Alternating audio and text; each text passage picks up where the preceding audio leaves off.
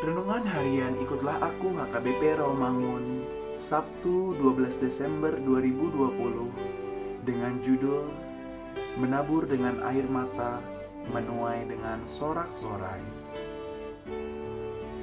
Bacaan kita pagi ini tertulis dalam Mazmur 5 ayat 9 sampai 13. Bacaan kita malam hari ini tertulis dalam Matius 19 ayat 27 sampai 30 dan kebenaran firman Tuhan yang menjadi ayat renungan kita hari ini tertulis dalam Mazmur 126 ayat 5. Orang-orang yang menabur dengan mencucurkan air mata akan menuai dengan bersorak-sorai.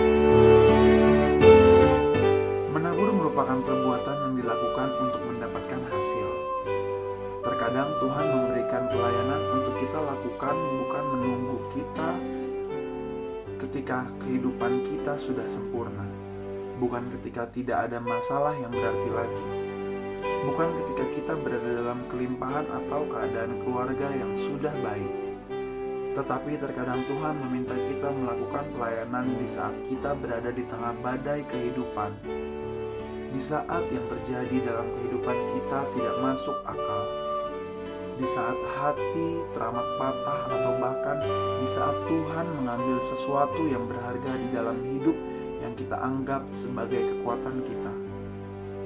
Mengapa? Karena Tuhan menjadikan kita spesial dan sanggup untuk itu. Bukankah kekuatan kita datangnya dari Tuhan?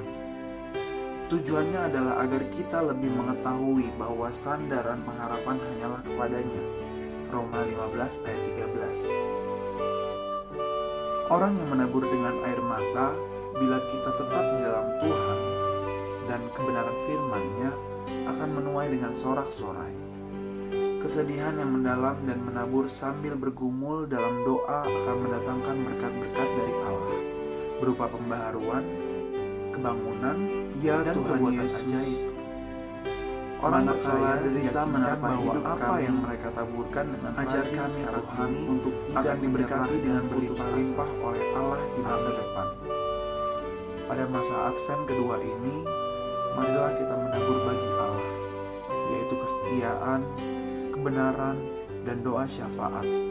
Kendati pun mengalami kepedihan karena ada tuayan berkat Allah yang besar menanti kita.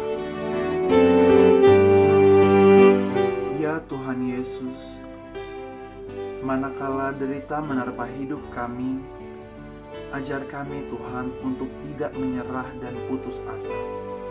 Amin.